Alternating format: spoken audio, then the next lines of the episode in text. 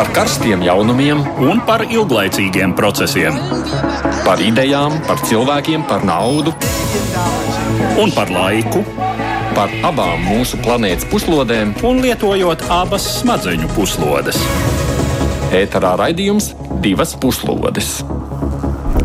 Labdien, jums ierasts šajā laikā, saka Edvards Liniņš un Aits Tamsons. Ir laiks mums starptautisko notikumu analīzē, un mēs šoreiz gribam iespiest tieši četros tematos, par ko runāt. Mums tā šķiet, ka mēs nevaram ignorēt nevienu no tiem. Pirmkārt, jau notikušie sprādzieni, kas sarāvuši abus Nord Stream gāzes vadus.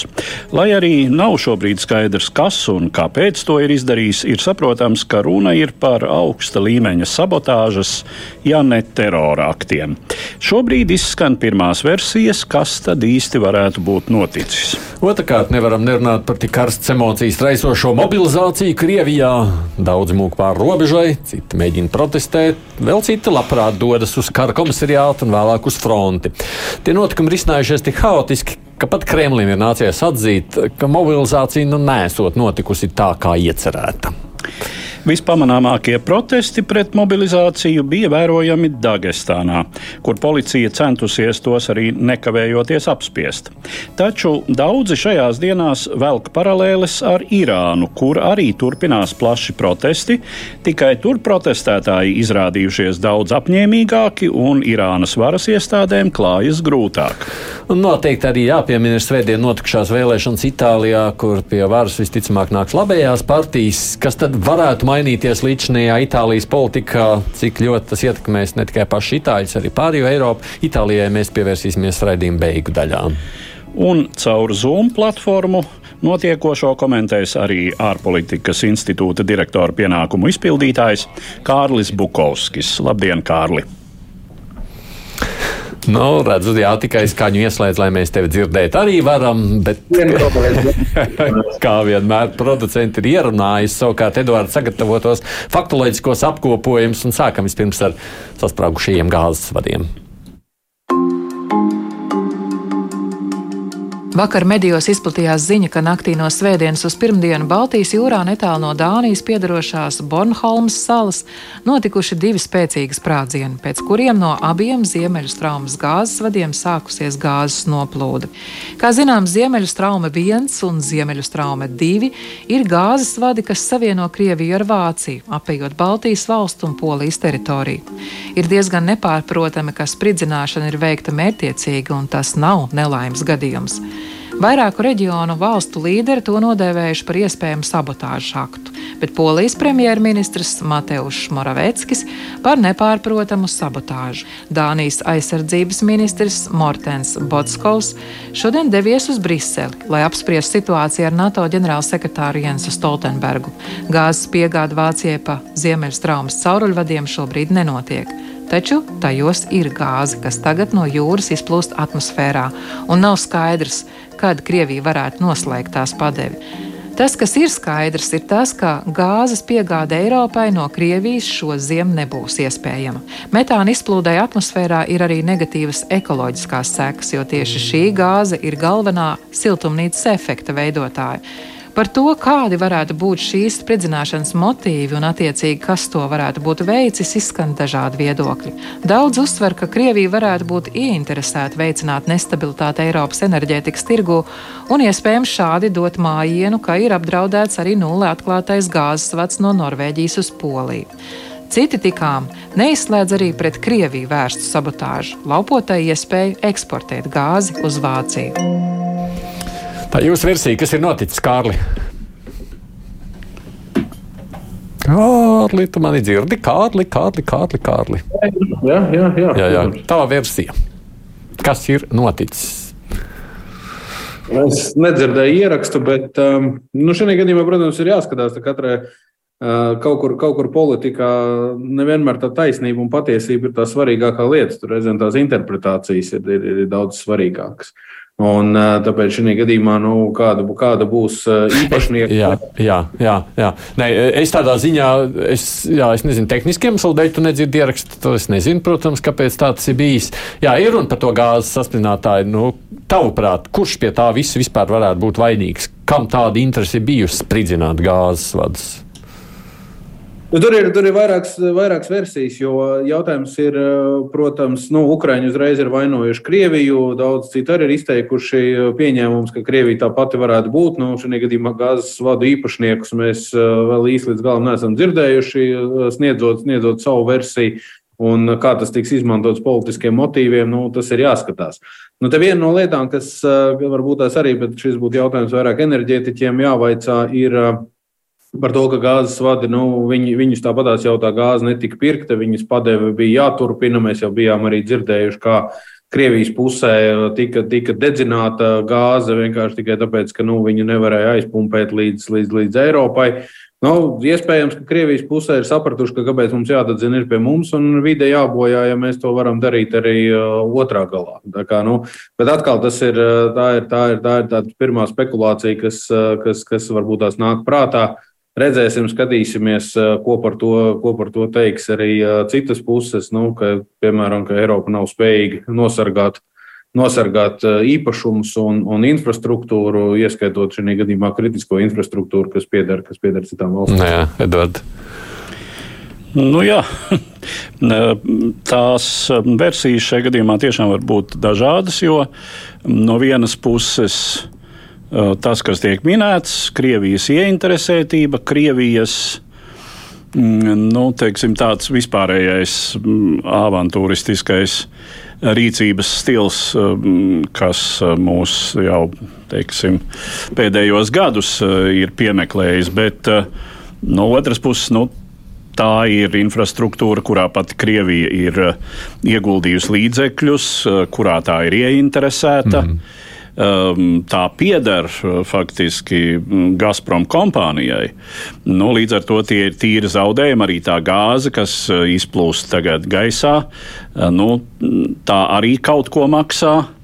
Un, es to dārga gāzi teicu, es esmu Peskovs. Kā to Peskovs, un nu, tā ziņā viņam, protams, ir taisnība. Bet ir skaidrs arī, piedod, es mēģināšu vienkārši ņemot vērā, ka laiks mums ir ierobežots. Vispār to var veikt tikai kāds, kurš ir, nu, nu pietiekami tehniski sagatavots. Nu, visdrīzāk 70 metru dziļumā. Jā, tur vis... vienkārši akvalangis sniegts ar spridzekli. Man ir aizdomas, nu jā, es, es neesmu, protams, speciālists, bet man, manuprāt, uh, nu, ir katrā ziņā visai maz privātu struktūru, kuras uh, kaut ko tādu var izdarīt. Kaut ko tādu Tāpēc, var eksperts saka, to var darīt. tikai valstiskā līmenī izdarīt. Un tad jā. jautājums, kura valsts varētu gribēt saspridzināt Nord Stream gāzi, vai Latvija varētu gribēt, kura? jā, pieņemsim, vai ne? Bet mums nav zemūdens. Es tā teorētiski jā, varētu saku, teikt. Ne? Bet uh, arī kura to varētu atļauties. Vai ne? Uh, jo ir skaidrs, ka skatoties uz visām reģionu valstīm, nu neviena um, demokrātiska valsts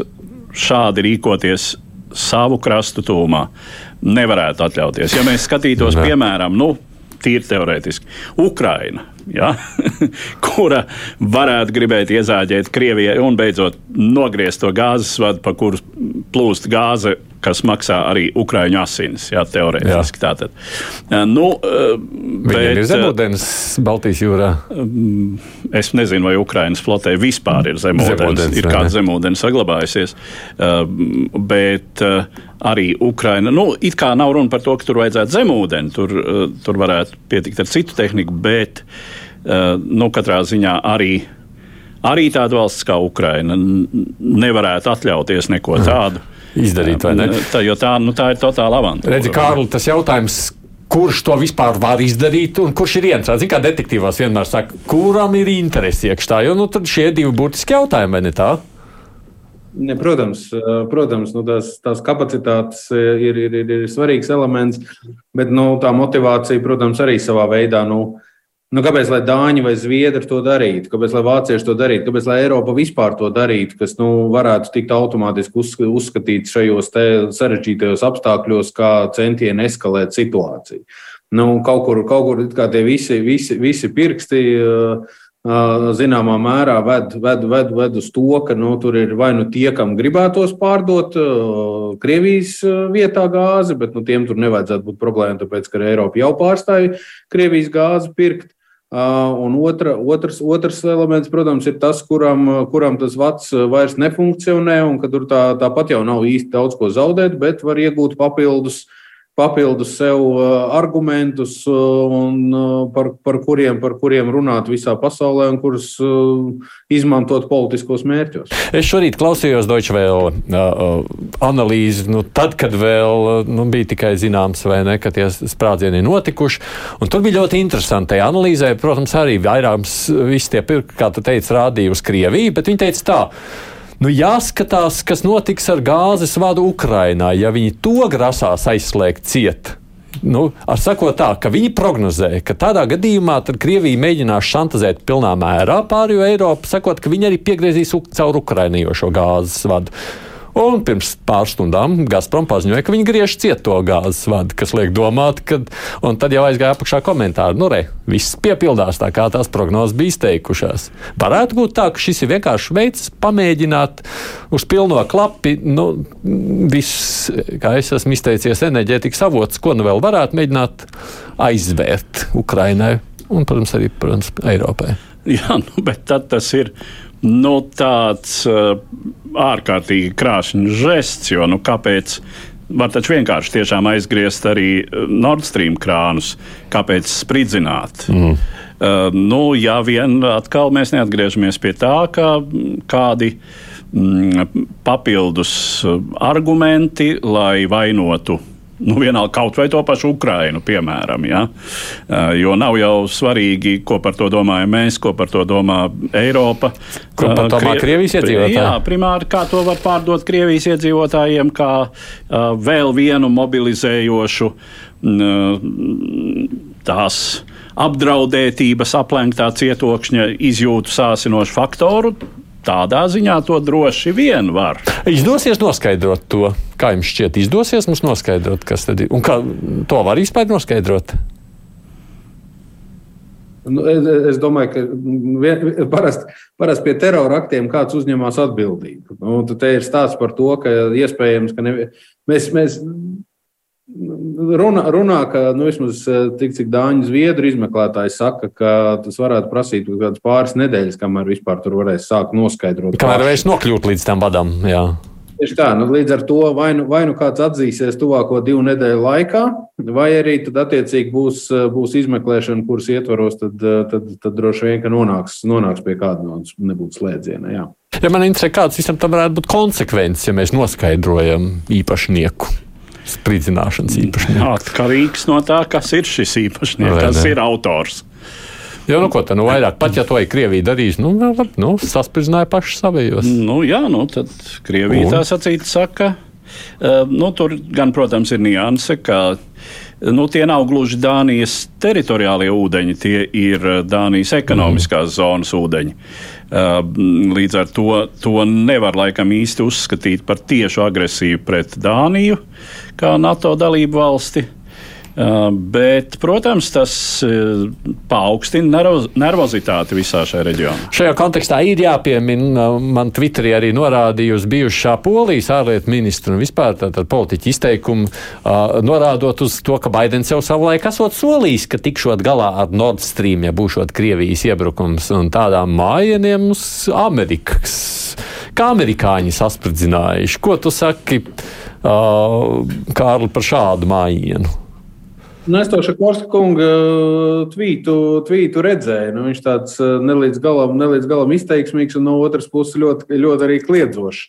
Um, tā kā nu, viņš tādu vairāk, vairāk, vairāk baumas raisošs, bet, nu, kā, jau es, kā jau es minēju iepriekš, uh, tad eh, pirmkārt, nu, faktiski, faktiski jau viņi līdz galam nefunkcionēja. Nu, otrais vispār nefunkcionēja, bet pirmais Nord Stream eh, arī, arī, arī eh, padevis, padevis nebija tādā, tādā apjomā, kā viņām vajadzēja, kā viņas bija oriģināli plānotas būt, protams, bet. Un, un, un amerikāņu piedāvājumu šajā gadījumā un lie, lieki riski kaut ko tādu darīt, es līdz galam neredzu, neredzu to to loģiku. Tas, Jā, varbūt... Amerikāņiem vai ne? Tad Tieši tā. Vēl viens faktors, kas varētu likt domāt par Krievijas autorību, ir um, tiešām nu, pat atklātais gāzes vats no Norvēģijas uz Poliju, kam ir uh, lielā mērā jā. jākompensē. Kuru tagad ir jāsargā? Un tas tagad, jā, tas tagad varētu būt jāsargā. Uh, un vispār, nu, teiksim, ja Krievija vēlas dot mājienu, ka tā joprojām ir tā sacīt ar diezgan garām rokām un spēcīgiem žokļiem, nu, tad uh, tas varētu būt šādā veidā virzīts. Mājiens, ja Kārlis. Um, nu šajā gadījumā es nedomāju, ka Norvēģijas, uh, Norvēģijas polijas uh, savienojums būtu tas, ko Krievija uzņemtos uh, riskēt un spridzināt. Tikai tāpēc, ka NATO nav tikai piektais pants, NATO ir arī sestais pants, kas faktiski atrunā to, ka uzbrukums arī ārpus teritorijas atrodamajiem infrastruktūrai un, un, un uh, un, un objektiem, un ieskaitot transporta līdzekļiem. Un tāpēc, tāpēc šajā gadījumā tas, tas, tas, protams, radītu pilnīgi, pilnīgi savādāku situāciju. Tāpēc, kurš, kurš šī gadījumā ir bijis autors, autors šiem sprādzieniem, viena lieta, ka Krievija pati ir, ir, ir, ir, ir protams, potenciāli varētu būt tā. Nu, otrs variants, ka ir arī, ir arī citas iesaistītās puses, kam, kam Krievijas gāzes vadīja absolūti, eh, absolūti var nepatikt. Nu, pirmā, pirmā reakcija, ko mēs redzējām, arī nāca no tās pašas Ukrainas, ka, ka, ka Krievi, Krievi paši vien ir vainīgi. Bet, nu, tāpēc šī gadījumā Um, tad jau redzēsim. Es teiktu, ka nu, šobrīd mēs varam tikai spekulēt, kurš būtu tā ieinteresētākā puse visā, visā šajā stāstā. Jebkurā gadījumā es tā paredzu, ka šī būs lieta, kas noteikti tajās varbūt nepilnīgi uh, acu priekšā, bet aizklausēs tiks ļoti aktīvi risināt politikā, jo jautājums ir interesants un aktuāls. Mēs redzam, arī, viss, arī Latvija paziņojas, ka viņi tādu nu, uzņems papildus aizsardzību, un to ir uzņēmušās jau vairākas valsts paziņojušas šobrīd apsargāt savus infrastruktūras objektus. Bet reiz esam pieminējuši aizdomu šo raisošo Krieviju, pievēršamies tam, kas tur notiek. Vakar bija pēdējais datums tā saucamajiem referendumiem, kurus Kremlis teicās rīkojams sagrābtajā Ukrainas teritorijas daļā. Par to, cik plašas reāli bija šīs aktivitātes, grūti spriest, jo nekādas starptautiskas novērošanas neleģitīmajam procesam, protams, nebija. Tomēr izsludinātie rezultāti nepārsteidz. Okupantu pārstāvi apgalvo, ka paši pasludinātajās Doņetskas un Luhanskas tautas republikās balsojumā piedalījušies attiecīgi nepilni 98 un 93% balstiesīgo. Vairāk nekā 99% Doņetskas Donetskas un nepilniem 99% Luhanskas apgabalos balsojot par pievienošanos Krievijai. Tāpat tiek apgalvots, ka par aneksiju Krievijas sastāvā nobalsojuši 93% balsojušo Zaporožjas un 87% balsojušo Helsonas apgabala okupētajā daļā. Ir skaidrs, ka šādiem skaitļiem nav daudz sakara ar realitāti. Tie atgādina tā saucamās tautas parlamentu vēlēšanas 1940. gadā okupētās Baltijas valstīs, kas ievadītu aneksiju Padomu Savienībā. Pašreizējā Krievijas vara rīkojas pēc līdzīgas schēmas un nenāks īpaši šaubīties, ka nākamais solis būs okupēto teritoriju pasludināšana par Krievijas daļu. Tas savukārt rada bažas par iespējamu kara eskalāciju no Krievijas puses, jo Ukrainas centieni atbrīvot savu teritoriju tagad Kremlī varēs tikt traktēti kā iebrukums Krievijā. Daudz spilgtu detaļu aizrutējusī nedēļa nesus arī tā dēvētās daļējās mobilizācijas sakarā Krievijā. Vispirms šī mobilizācija izrādījusies daļēji tikai Kremļa saimnieka pieteikuma runā, kamēr attiecīgie juridiskie dokumenti un arī mobilizācijas prakse liecina par pretējo. Attiecīgajā Putina rīkojumā mobilizējumu kategorijas neaprobežojas tikai ar personām, kurām ir iepriekšējā militārā sagatavotība un pieredze. Un ziņas no Krievijas reģioniem liecina, ka mobilizēti reizums tiek arī vīrieši, kuri bijuši atbrīvoti no iesaukšanas. Un līdz šim nav nekad dienējuši. Jo mobilizācijas izsludināšanas dienā kilometriem gari satiksmes sastrēgumi veidojās pie Krievijas federācijas robežām ar Kazahstānu, Gruziju, Baltkrieviju, Somiju un Mongoliju, kad tūkstošiem vīriešu centās pamest dzimteni, nevēloties kļūt par lielgabalu gaļu. Cirkulē runas par iespējamu valsts robežu slēgšanu, kas pagaidām nav notikusi, taču atsevišķos reģionos mobilizācijai pakļaujamiem ir aizliegts pamest reģionu teritoriju. Daudz viet sākušies protesti, kuros lielākā pilsētas pamatā piedalās jaunieši. Savukārt šur tur reģionos tajos pulcējušās sievietes, solot neatdot nogalināšanai savus vīrus, dēlus un tēvus. Sevišķi aktīvi šādas akcijas bijušas Dagestānas autonomijā, atsevišķi fiksēts arī Sahas republikā, jeb Jakutijā un Čečenijā. Pēdējās dienās fiksēts arī apmēram 20 kara komisariātu un iesaukšanas punktu aizdedzināšanas un aizdedzināšanas mēģinājumu. Bet Irkutskas apgabala Isļimskas pilsētā jauniesaucamais nāvējoši sašāvis vietējo kara komisāru. Es gribu runāt tieši par to mobilizāciju, ne tiem bezjēdzīgiem referendumiem. Jo izskatās, ka tā mobilizācija tā kā tāds nūjas kudrs pūžnī ir ielikta, vai ne? Tagad apmēram vis, visādas interesantas kustības pēkšņi sākušās. Tieši tā. Um, par to jau visu laiku tika runāts, ka tikmēr, kamēr vidējais Krievijas iedzīvotājs, cilvēks parastais, uh, var vērot karu kā uh, jauku seriālu televīzijas ekrānā, tādā veidā uzpumpējot savu varenības apziņu. Tad tikmēr viss ir jauki, bet tajā brīdī, kad pašam parādās iespēja doties un izbaudīt, uz ko ir spējīgi Ukraiņas bruņoties spēki, tad tā vēlēšanās krasi noplūst. Bet vairums taču dodas uz kara komisariātu, vai ne? Nu, tas... nu, šobrīd nav īsti skaidrs, cik tas vairums ir liels. Mm.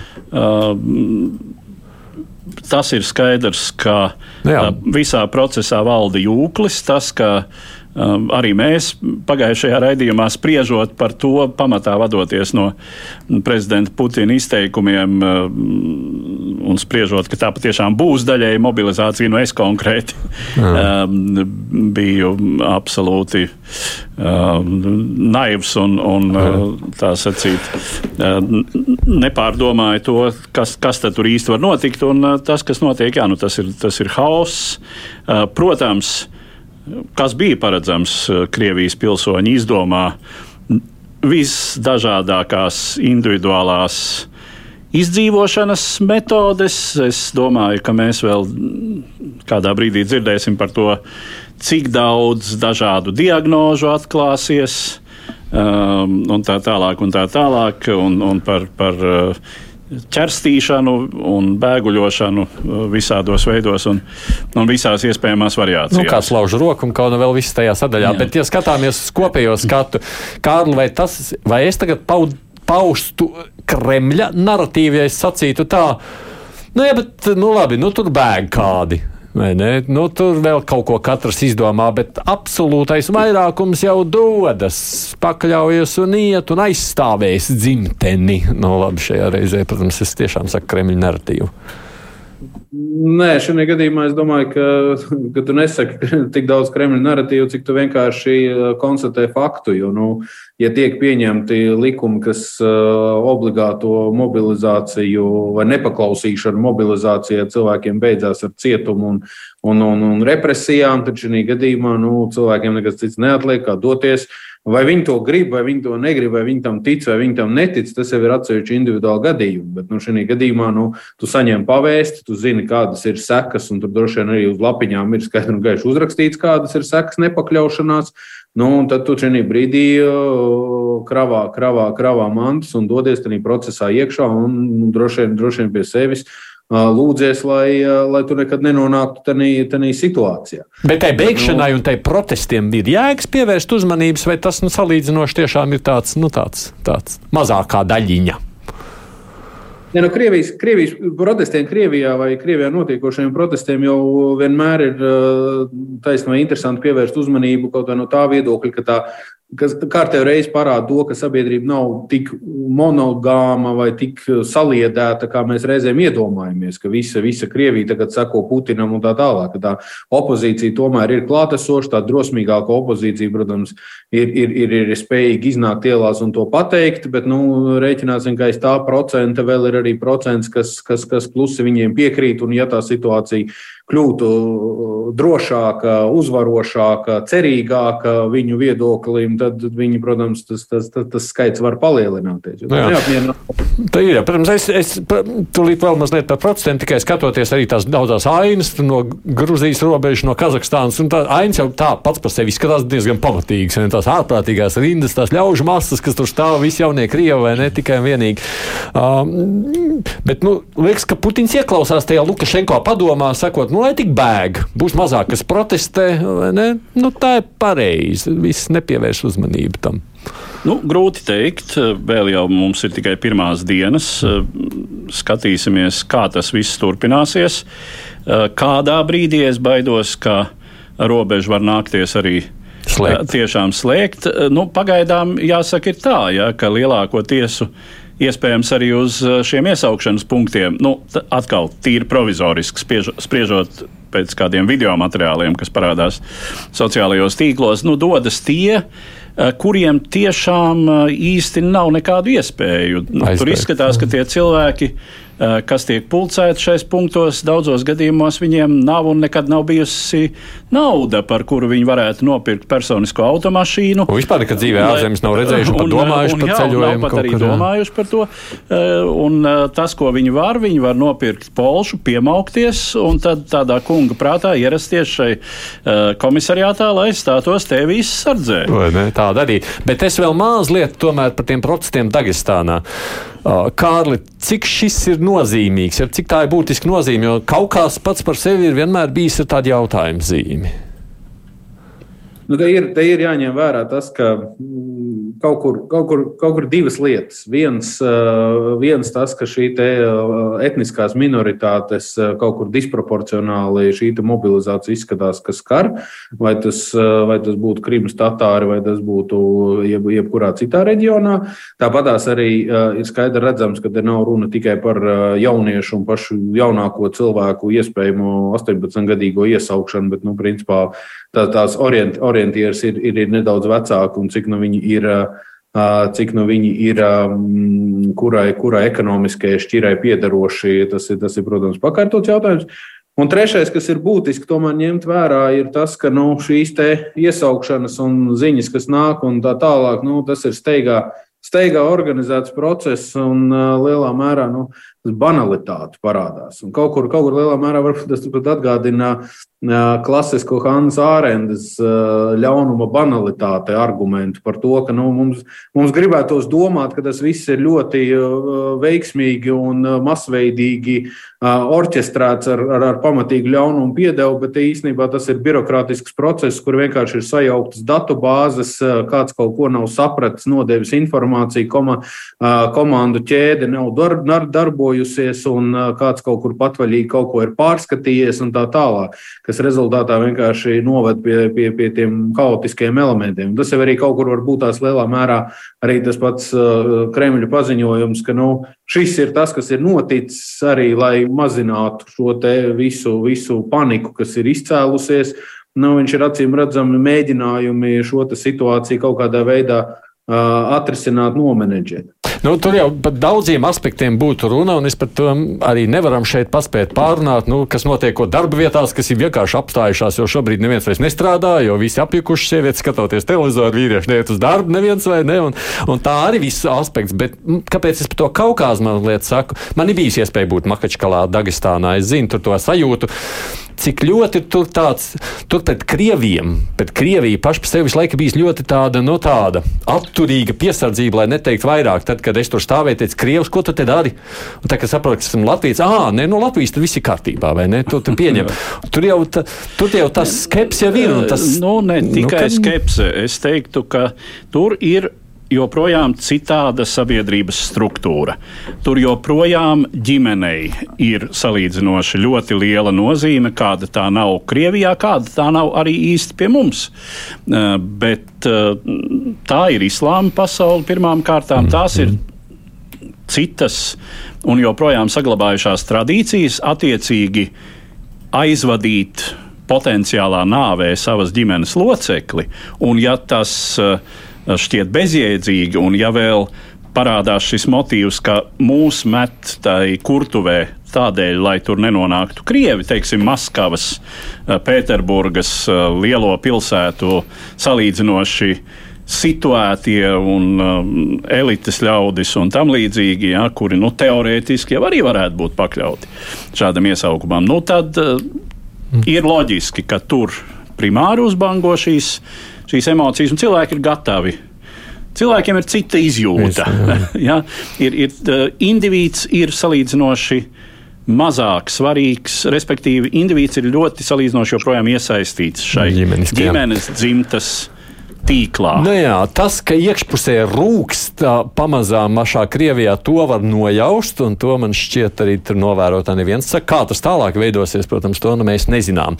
Bet, kā jau te sākumā minējām, daudz salīdzina notiekušo Krievijā ar Irānu, kur arī pārņēma pār protesti, bet nu, tur viss notiek daudz plašāk, nu, jā, citādāk nekā Krievijā. Protams, tur nav runa par mobilizāciju, bet kas tad īsti notika un notiek Irānā?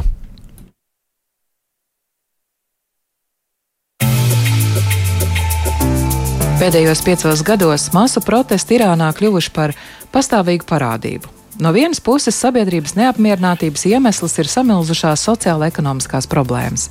Pēdējos pāris gados ļaudis izgājuši ielās protestējot pret strauju degvielas sadārdzināšanos, ūdens apgādes problēmām un pārtikas cenu kāpumu. Tomēr fonā šiem protestiem ir Islāma republikā valdošā teokrātiskā režīma totalitārā daba, kas lielā mērā ir iemesls arī konkrēto sadzīves problēmu sāsinājumam.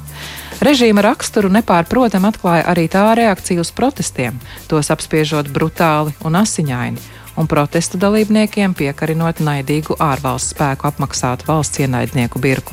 Protestus, kuri nu jau desmit dienas satricina Irānu, izraisījis konkrēts notikums. 13. septembrī likumības policijas patruļa Teherānā arestēja 22 gadus veco Mahsu Amīnī kura bija iebraukusi galvaspilsētā no Kurdistānas provinces. Aresta iemesls bija ar hijābu jeb galvas lakatu pietiekami nepiesegti mati. Dažas stundas pēc aresta jaunā sieviete komā tika nogādāta slimnīcā, kur divas dienas vēlāk mira. Policija apgalvo, ka apcietinājumā Mahsa Amīnī piedzīvojusi sirdslēkmi un tās laikā krītot atcitusies, taču citu ieslodzīto vēstītais un arī atklātībā nonākušie rengena uzņēmumi liek domāt, ka morālās drošības aģentūrā viņa tikusi brutāli piekauta. 17. septembrī Teherānā sākās ielu protesti, kas drīz pārsviedās uz citām Irānas pilsētām. Policija ierasta laid darbā stekus un piparu gāzi, kā arī protestētāju arestus, bet jau pāris dienas vēlāk ķērās pie šaujamieročiem vairākus protestētājus nogalinot. Protestu saturs saistās nevien ar policijas vardarbību, bet arī ar režīmu uzspiesto ģērbšanās kārtību un baldošo klerikālo totalitārismu vispār. Daudz vietas sievietes izgājušas ielās ar atsektu galvu un publiski dedzinājuši hijābus. Pašreizējie protesti tiek raksturoti kā nopietnākais izaicinājums, ar kādu Irānas režīms saskāries pēdējos gados. Tikām varas reakcija līdz šim bijusi ierasti nesaudzīga, un nogalināto skaits jau pēc jaunākām ziņām pārsniedz 75, lai gan tas varot būt arī lielāks, jo varas ierobežotā interneta pieejamība kavē informācijas apriti. Simtiem cilvēku ir arestēti, tā skaitā vairāk nekā 20 žurnālisti un blogeri. Irānas režīma rīcība jau izraisījusi plašu nosodījumu starptautiskajā sabiedrībā. Savienotās valstis paziņojušas par sankciju ieviešanu pret Irānas likumības policiju un vairākiem drošības struktūru vadītājiem.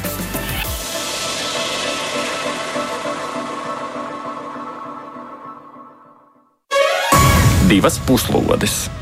Atgādījumi bez mums ar Eduardu notiekušo komentēju ārpolitikas institūta direktora pienākumu izpildītājs Kārls Bakovskis, un mūsu studijā šobrīd pievienojas arī institūta asociētais pētnieks un Delavēras universitātes doktorants Toms Rātfelders. Sveiks, Tom! Jā, sveiki! Kā jau ierakstā te bija teikts, Irānā tā nav pirmā reize, kad valstī ļaudis saceļas iziet ielās. Līdz šim tas neko būtiski nav mainījis. Cik liela nozīme šoreiz ir runāt par šiem protestiem, tavuprāt?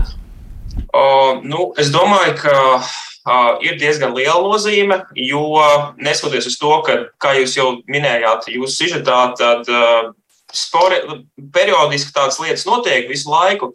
Taču šoreiz šis apjoms ir ievērojami lielāks nekā parasti. Pēdējo reizi mēs kaut ko tādu redzējām 2019. gadā, kad vairāk protestēja tieši tā teikt, nu, varētu tā teikt, izsakoties strādnieku šķira. Tad šeit mēs redzam, ka protesti tomēr mobilizē lielāku sabiedrības daļu. Protestē sievietes no, no ļoti daudziem sabiedrības slāņiem, un arī teiksim, vīrieši, kas, um, kas, kas atbalsta šīs sievietes. Tā kā situācija ir diezgan nopietna. Es arī uh, sekoju Instagram kontiem no daudziem, kas uh, nāk nu, principā, no informācijai, kas nāk no, no, no šiem protestiem. Un uh, man ir tāda sajūta īstenībā, ka savā ziņā mēs redzam kaut ko līdzīgu to Austrumu Baltkrievijai, ja, ja mēs varam šādas alegorijas vilkt. Bet tur jau nav tikai par galvas ne, Edvard? Nu, Vai ir? tā nav tikai galvas sega.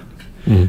tas ir nu, šī galvas piesekšana sievietei, tā ir atbilstība vispārējiem priekšstatiem, kādai ir jābūt uzvedībai, kas izriet no um, reliģiskiem priekšstatiem. Un šis ir režīms, kura ideoloģijas pamatā ir uh, reliģiskie priekšstati. Tātad Viena lieta, ja sabiedrībā protestē, piemēram, pret augstām maizes cenām, nu, tur ir skaidrs, tie ir zināmā mērā bāda vai nu, pārtikas trūkuma izraisīta. Nu, tā bija, vai ne? Procenti par degvielas cenām. Jā, degvielas cenas vai tam līdzīgi, kur, protams, arī ir klātesoša šī attieksme pret uh, varu.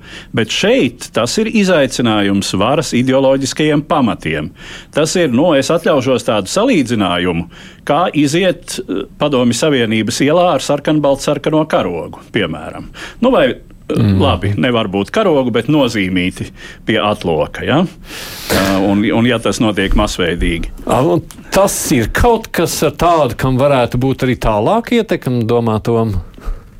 Uh, nu, es domāju, ka pagaidām mums ir diezgan pārāk spekulēt, bet katrā gadījumā situācijas nopietnību, manuprāt, ilustrē arī pagaidām esošā režīma reakcija. Uh, Jo režīms, eh, nu, sāksim ar to, ka Irānas režīmam ir diezgan liela pieredze vispār kā tikt galā ar šādiem protestiem. Tā nav pirmā reize, kā, kā es minēju jau iepriekš. Un pagaidām, manuprāt, šī vardarbības izpausme, šis, eh, var teikt, nekompromisējošā attieksme jau parāda to, ka Irānas režīms jutās apdraudēts, jo citādi nevajadzētu rīkoties tik agresīvi. Eh, vēl arī kas ir interesanti, ka mediju telpā ir parādījusies arī teikt, režīma propagandas ziņojumi jau ir vairāk. Jo, kā mēs minējām jau sākumā, tad režīms vēlās panākt, lai mēs redzētu to vairāk, vai arī, nu, protams, arī tie cilvēki uz vietas, tā ir sava veida kā ārvalstu, um, ārvalstu mēģinājums destabilizēt Irānu. Un tā skaitā iespējams, ka viņi mēģina arī pielikt klāt ar kurdu faktoru, jo, kā mēs minējām, tad uh, arī šī sieviete nāk no, no Kurdistānas, viņa etniskā kurdu, kurdu, kurdu pārstāve. Un uh, viņi tā kā iespējams vēlās arī panākt, ka it kā caur šo, ka mēs uzskatām, ka šo, šo, šo kurdu etnisko grupu uh, noteikti mēģinājumi destabilizēt valsti. Tā kā es domāju, šie signāli paši par sevi parāda to, ka režīms nejūtās komfortabli ar to, kas pagaidām notiek. Bet tu domā, ka tā, tāda vardarbīga apspiešana ir gaidām arvien asāka, tavuprāt? Es varbūt neņemtos spekulēt, vai būtu asāka, bet to, ko mēs varam pateikt, ir tas, kā Edvards Marīgs arī ļoti precīzi teica, ka hijabs ir daļa no ideoloģiskā pilāra šajā kontekstā. Uh, es neteiktu, ka, nu, kad, kad e, nu, sāksim ar to, ka Korānā, manuprāt, ir, ir vairākas interpretācijas par to, kā izlietot hijabu. Bet, uh, To neapspriedīsim. es zinu, vienkārši saku to, ka Irānas valdība ir ar šo te, uh, nu, tā teikt, savu spinu saucamo reliģisko uh, padarījusi hijābu par vienu no saviem teikt, ideoloģiskiem pilāriem. Un, ja teiksim, šo te pilāru teikt, paņem projām, tad, nu, tad ir jautājums vispār, uz kādas ideoloģiskās bāzes šis režīms pastāv. Un vispār arī jautājums tālāk par režīmu izdzīvošanu. Es par tiem protestiem, Kārlis, savukārt vēršoties pie tevis, kāpēc to jautāju, jo nu, tas, ko man liekas, mēs vērojam pēdējā laikā, uh, Nu, tas ir nu, nu, šķiet sekmīgāk tiek galā tie, kas rīkojas pēc iespējas radikālāk. Nu, tur ir jau cik tur ir cilvēki jau nošauti vai ne desmitiem. Uh, nu, mēs redzam, cik ļoti pieminētā Baltkrievija to ir spējusi izdarīt. Krievija, nu, tas ir tas veids, kā mūsdienu pasaulē, jā, tad, tad šādi režīmi nu, spēj tikai izdzīvot, vai ne? Tas nav, tas nav tikai mūsdienu pasaulē. Nu, tā, ir, nu, tā ir klasiska politiskā metode, represijas pret uh, opozīciju, ir klasiska politiskā metode, kas ir tūkstošiem gadus pastāvējusi. Un uh, tas, ka šī gadījumā šie nedemokrātiskie režīmi uh, diemžēl kļūst uh, ļoti vardarbīgi, cevišķi tad, kad viņiem līdz galam teikt, lietas neiet no rokas, ja drīkst tā neakadēmiski izteikties. Tad, tad tādā brīdī nu, viņi, viņi, viņi parāda savas, savas spējas. Internetu nogriešana ir tikai sākums, lai pasauli to neredzētu. Uh, Irānas gadījumā pilnīgi precīzi Doms arī skaidro, nu, tas, tas absolūti nav pirmo reizi, un viņi jau ir pat kaut kur savā veidā to tas um, instrumentu kopums jau ir izmēģināts. Ne tikai jau ir izdomāts, viņš jau ir izmēģināts. Tāpēc uh, tas, ka, tas, ka Irāna, Irānas sabiedrība sāk apjaust, ka nu, viņus kaut kur savā veidā māna viņu pašu valdība, kas ir uh, disproporcionāli konservatīva, kamēr vispārējā pasaule uh, mēģina viņus aicināt atvērties un, un, un kļūt veikt politiskās darbības, lai šīs sankcijas tiktu atceltas un lai viņiem būtu iespēja uzlabot savu ekonomisko situāciju, savu politisko situāciju un, un, un politiskās brīvības.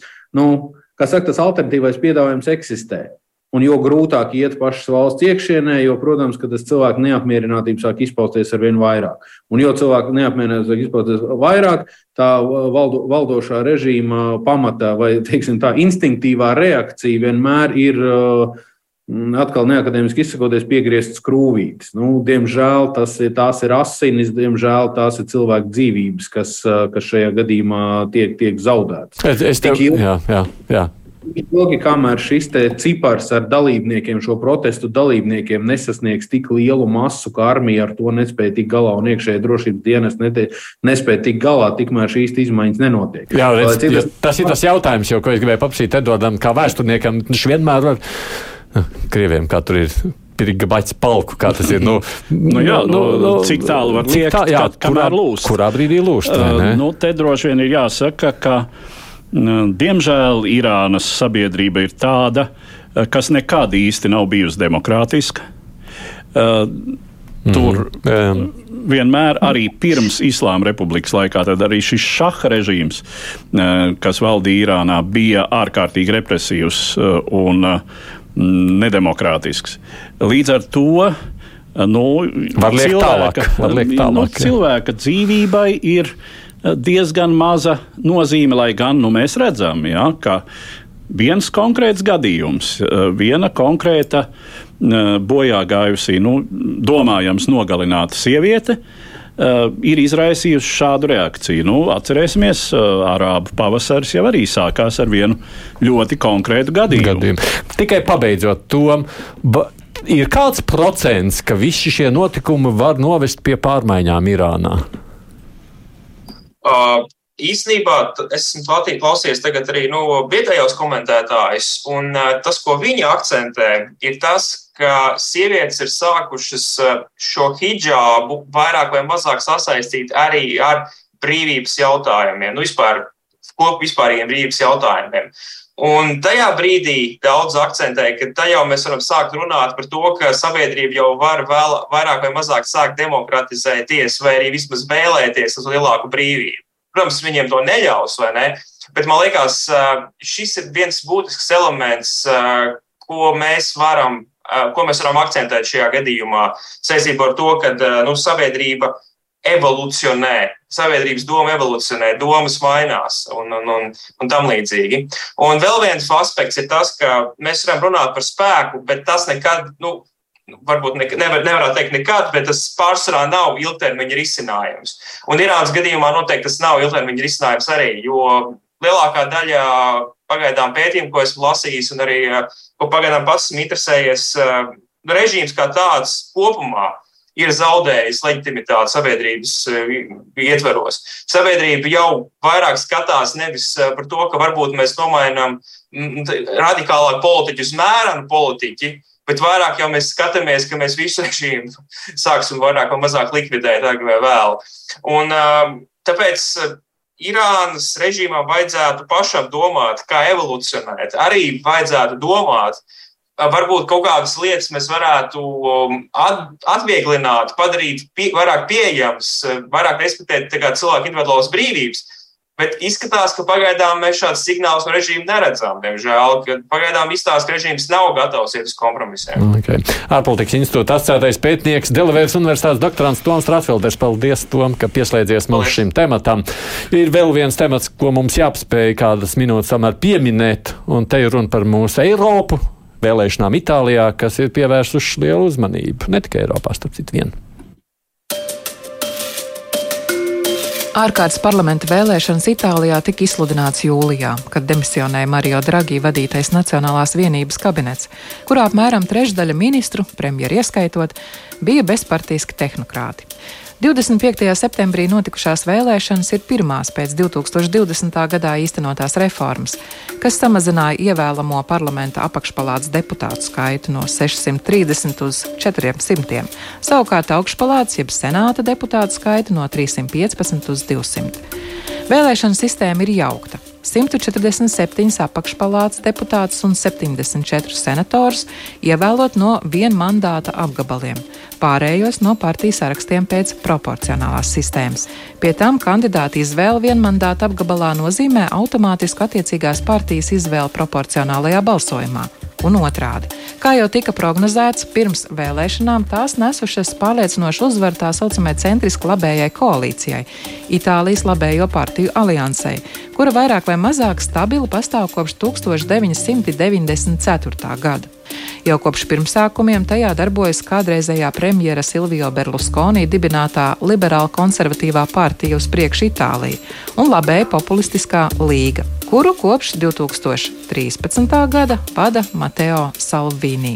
Tomēr kā alianses nozīmīgākais spēks pēdējos gados izvirzījusies partija Itālijas brāļi, kas sevi definē kā nacionāli konservatīvu, taču bieži tiek raksturot kā labēji populistiski un arī piesaucot atsevišķu tās locekļu saistību ar neofašismu ievirzi. Itālijas brāļu vadītāja kopš 2014. gada ir žurnāliste Džordža Meloni, kurai tagad ir lielas izredzes kļūt par pirmo sievieti Itālijas premjerministra amatā. Pie tam vēlēšanu rezultāti ir labvēlīgi tieši Itālijas brāļiem, kamēr pārējie koalīcijas partneri izrādījušies zaudētāji, kas nozīmē, ka tieši Melonija partijai būs izšķirošais vārds valdības izveidē. Un tiek pat izteikti pieņēmumi, ka tā varētu veidot vienpartijas valdību. Tiek atzīmēts, ka savā priekšvēlēšana retorikā Meloni bijusi diezgan mērena, solot turpināt premjera Dragī virzienu, uzturot līdzsvaru un ar Eiropas Savienību saskaņot finanšu un ekonomisko politiku, kā arī atbalstot Ukrainu pret Krievijas agresiju. Nozīmīgs zaudējums vēlēšanās piedzīvojuši arī centriski labējās līgas galvenie politiskie konkurenti. Centriski kreisā koalīcija, kas apvieno sociāldemokrātiskos, liberālos un ekoloģiskās ievirzes spēkus, kā arī populistiski un eiroskeptiski orientētā piedzvaigžņu kustība. Kārli, kāpēc tieši Itālijas brāļi izrādījās tie lielākie vēlēšanu uzvarētāji? Tikai tāpēc, ka savā veidā visas, visas Tā, nu, kā lai saka, cit, citas partijas jau sevi bija parādījušas. Nu, šis varbūt tās mazāk zināmais, ja drīkst tā vispār izteikties, uh, mazāk zināmais politiskais spēks, kas daudziem radīja, protams, arī lielāku interesi. Viņi nav, nav, nav bijuši tik radikāli un tik uzkrītoši, kā jau arī tika minēts sižetā, um, savā, savā, savā pozīcijā, kas būtu. Nu, radikāla priekš Eiro integrācijas un NATO un drošības atbalstītājiem. Viņu, viņu faktiski tā, tā, tas lielākais uzsvars ir, protams, tradicionālais migrācijas un antimigrācijas jautājums, nu, kas Itālijai ir, ir, ir, ir milzīgi svarīgs bijis jau gadu desmitiem. Un, un otrs ir tas, ka šī gadījumā šī ir savā veidā pēc šī liberālā, liberalizācijas vai liberālās demokrātijas principu uh, um, sekmēšanās daudzu, daudzu gadu garumā, un šo daudzu gan partnerattiecību jautājumu risināšanas, gan, gan, gan, gan visu citu liberālo, politisko liberālo pozīciju uzvaras, nu, tad šī konservatīvā vai, vai, vai reaktīvā kustība, nu, viņa, viņa, viņa ir tā, kas iegūst tās popularitātes punktus. Itāļi ir noilgojušies pēc konservatīvām vērtībām. Uh, liela daļa sabiedrības, protams, ka jā, jo daudzos gadījumos nu, ir, ir, ir lietas, kas ir līdz šim uzskatītas bijušas par labi, nu, viss ir kārtībā, mēs varam pieņemt, bet nu, lielā mērā arī kaut kādas runas par, par, par, par, par dzimumu jēdzienu pārdefinēšanu un tā tālāk, nu, kas tiek uzskatīts par, par pārāk lielu radikālismu. Tāpēc šīs konservatīvās vērtības vai, vai, vai reakcionārās vērtības atbalstošo politiķu procents. Uh, sabiedrības daļas procents tomēr acīm redzot ir izrādījies visnotaļ liels. Bet jau tāda pāris dienas ir pagājušas kopš šo profesoriskā rezultātu uzzināšanas. Nu, tā, kas ir jau pateikts šobrīd, ko mēs esam jau dzirdējuši arī pēc vēlēšanām, arī no viņas pašas. Kā tas izskatās? Mainīsies, nemainīsies, kas būtiski tajā Itālijas politikā turpmāk? Nu, katrā ziņā tas, kas mūs visvairāk interesē Itālijas ārpolitika, ir cerības, ka Eh, radikāla izmaiņa nebūs. Mm -hmm. Jo Meloni ir deklarējusi patiešām, eh, ka Itālija saglabās līdzšinējo kursu. Nu, jāsaka, gan tā, no lielajām Eiropas valstīm mēs atceramies lielo trīnieku, eh, kas arī devās apmeklēt Kievu. Tātad Draghi, Makrons un Šolts Uh, jā, uh, nu, Itālija ir salīdzinoši vismazāk palīdzējusi militāri. Nu, tur varbūt ir objektīvi iemesli. Uh, militārā industrija salīdzinoši ir ar mazāko jaudu no šīm trim valstīm, bet nu, arī teiksim, tas diezgan apšaubāmais plāns, nu, kas Ukrainā tika uztverts kā kapitulācijas piedāvājums, teju, jā, tas tomēr bija drāgī plāns, mm. pēc, vismaz pēc nosaukuma. Nu, īsāk sakot, ir cerības, ka uh, Kremlī nav iemesla berzēt roķeles. Uh, jo nu, citādi tas būtu, ja būtu pie varas nācis kā galvenais spēks, kā potenciālais premjerministrs Salvīni, mm -hmm. kurš ir skraidelējis ar uh, tēkrekliņus, kur ir Putina portrets savā laikā, vai Berlusconi, par kur mēs zinām, ka viņam ar Putinu ir vienkārši mm. siltas, draudzīgas attiecības kopš veciem laikiem. Mm. Uh, jā, nu, un arī, arī teiksim, attiecībās ar Eiropas Savienību. Mm. Uh, nu, šai partijai vismaz pēdējā laikā nav izteikta uh, anti-eiropeiska eiro skeptiska nostāja. Tas varbūt arī tiem vēlētājiem licies pieņemami, vai ne? Nu, kāpēc šī partija arī ir kļuvusi pieņemama? Jā, jā. Bet uh, kā tad izskatās? Jo, nu, mēs jau tas, tā vien liekas, ka itāļi visu laiku meklē kādus jaunus, viņiem acīm visu laiku nepatīk, un, un tad meklē jaunus, un šajā tad Kārli nevilsies šajā jaunajā spēkā. Nu, Te ir, tu, tu, tu, redz, atkal tas ir eh, klasiskais stāsts par to, ka vienā brīdī tu esi politiķis, nākamā brīdī tu esi amatpersona un valsts vadītājs vai viens no valsts vadītājiem. Tad tomēr šīs, te, eh, šīs te divas eh, cepures, viņas, viņas tomēr savā veidā atšķirās. Tāpēc arī kaut kur nu, neaizmirsīsim, ka vienlaicīgi uh, Melonija kundze ir arī Eiropas konservatīva un reformistu partijas prezidenta kopš 20. gada, nu, kurā ir arī mūsu Nacionāla apvienība iekšā, un uh, ka viņi principā viņi nav eiroskeptiķi, viņi ir šī gadījumā par, viņi ir eiro, eiro realisti, kā tas tiek saukts, nu, viņi respektīvi ir pret varbūt tās uh, dziļāku Eiropas Savienības integrāciju, bet viņi arī nav par Eiropas Savienības izjaukšanu un Eiropas projektu pā, pā, pā, apturēšanu. Un šī gadījumā arī konkrēti Melonija kundze ir bijusi arī, arī mm, par NATO noskaņota, un, un, un, un viņa arī savu atbalstu Putinam um, pārstāja tajā brīdī, kad redzēja, kādas, kāda, kāda ir situācija izvērsusies 24. februārī šī gada. Tāpēc nu, uh, viņa, viņa kaut kur savā veidā ir. Uh, Viņas, viņas galvenais uh, uzsvars, ko es jau minēju arī sākumā, viņas galvenais uzsvars ir, ir, ir uz šo iekšpolitisko konservatīvismu vai, vai, vai pašas paš Itālijas.